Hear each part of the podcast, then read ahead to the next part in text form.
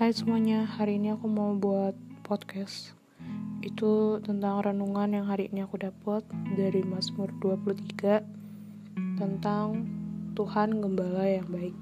Mazmur Daud, aku mau baca ayatnya dulu sebelum ke renungan. Mazmur 23, Mazmur Daud, Tuhan Gembalaku yang baik. Tuhan adalah gembalaku, takkan kekurangan aku.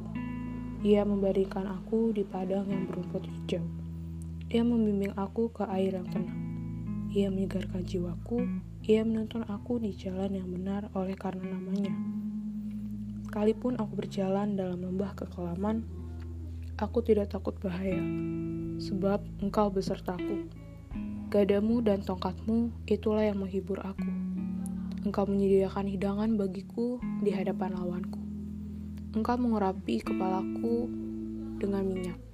Pialaku penuh melimpah kebajikan dan kemurahan belaka akan mengikuti aku seumur hidupku, dan aku akan diam dalam rumah Tuhan sepanjang masa. Dari ayat itu aku bold yang Mazmur 23 ayat 4 Sekalipun aku berjalan dalam lembah kekelaman, aku tidak takut bahaya sebab engkau besertaku. Dadamu dan tongkatmu itulah yang menghibur aku.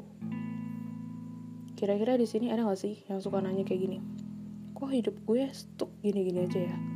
Padahal kan gue udah coba kasih effort yang sama. Bahkan mungkin lebih dari teman-teman yang lain. Tapi kok hasilnya bisa ya gak sesuai ekspektasi gue? Ini pertanyaan gue belakangan ini. Gak nanya ke diri sendiri tapi nanya Tuhan juga. Tuhan mau pakai aku di mana dan buat apa sih? Kayak gitu. Cuma satu yang gue percaya sampai saat ini. Dia gembala yang baik yang membaringkan, membimbing, menuntun, menyertai, dan menyediakan, serta mengurapi. Ada satu tokoh yang di Alkitab yang benar-benar gue kagumin, yaitu Yusuf. Pasti teman-teman tahu kan, sesusah apa dia untuk sampai pada titik sebagai tangan kanan raja. Dibenci, dibuang, dijual, difitnah, di penjara. Semua proses yang gak enak dilalui Yusuf dengan takut akan Tuhan. Dia bisa aja sebenarnya berontak, marah, kecewa, sakit hati, berpaling dari Tuhan.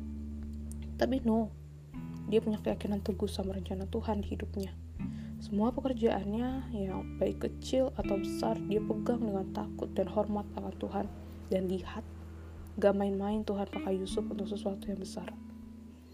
Dan dari sini gue dapet poinnya yaitu sebenarnya kita nggak perlu larut atas apa yang terjadi lebih baik bagi kita untuk tetap setia pada perkara kecil yang ada di hadapan kita. Doain semua rencana kita dengan ketulusan dan bawa itu ke Tuhan. Biar sisanya Tuhan yang berencana, karena dia gembala yang baik. Amin.